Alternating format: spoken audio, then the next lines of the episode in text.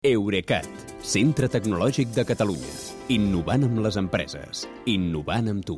Albert Cuesta, bona nit. Bona nit, Kilian. Mira, veig que any nou, sintonia nova, eh? Està bé, està bé, Albert. Està Escolta'm, bé. està bé, eh? Uh, aerolínies com Emirates, Air India i Japan Airlines han començat a suspendre alguns vols a aeroports als Estats Units perquè no volen exposar-se a interferències de les antenes de mòbil 5G, deies al començar l'informatiu, amb un dels instruments importants de vol dels seus avions. Uh, sí, en particular, uh, avions del model Boeing 777, tot i que n'hi ha d'altres que suposadament estan afectats. Ja veuràs que això de suposadament ho diré diverses vegades. D'acord.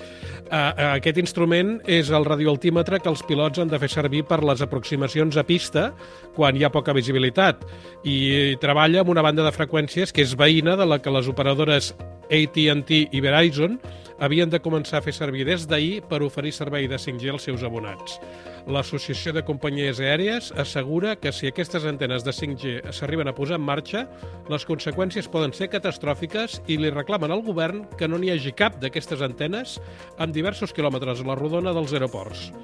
En canvi, les, les dues telefòniques eh, diuen que hi ha prou separació de, de freqüències entre un servei i un altre, que ja porten mesos endarrerint l'activació d'aquest servei i que, com s'has vist, que després de gastar-se una fortuna llogant-li al govern aquesta banda de freqüències, ara els vinguin amb que no la poden fer servir per donar 5G als aeroports. Ja. I això no només afecta als telèfons mòbils dels passatgers, sinó també i sobretot a les eventuals aplicacions industrials i de gestió que són precisament les que fan interessant i negoci la 5G.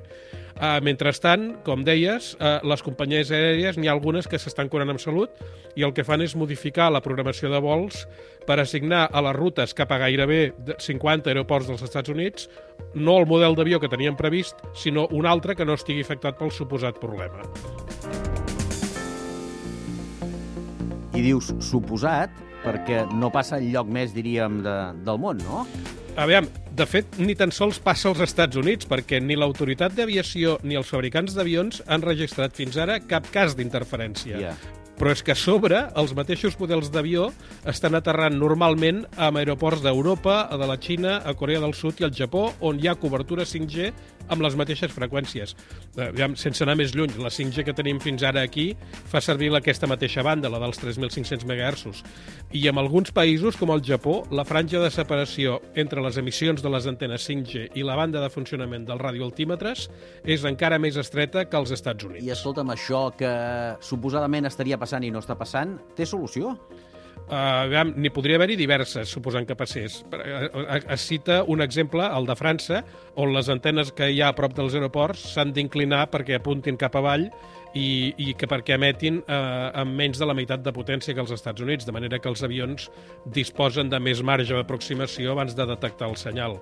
Uh, el que passa és que les companyies aèries dels Estats Units volen que siguin les telefòniques les que paguin les modificacions dels radioaltímetres potencialment afectats, però aquestes empreses diuen que els demostrin, primer, que hi ha algun problema, i segon, que ja van esquitxar 80.000 milions de dòlars a la subhasta d'espectre i que les autoritats s'haurien d'haver mirat abans. D'acord.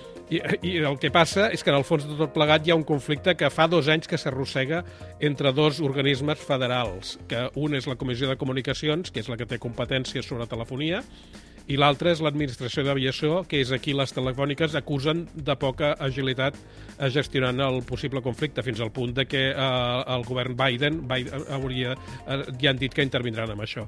Mentrestant, eh, eh, això passa quan els viatges internacionals ja començaven a recuperar-se i resulta que eh, a més d'un passatger se li haurà ficat la por al cos i jo crec que sense gaire fonament.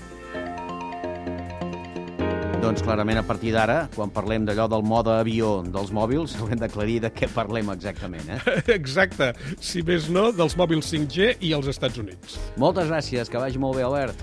Bona nit, Kilian, fins demà. Eurecat, centre tecnològic de Catalunya. Innovant amb les empreses. Innovant amb tu.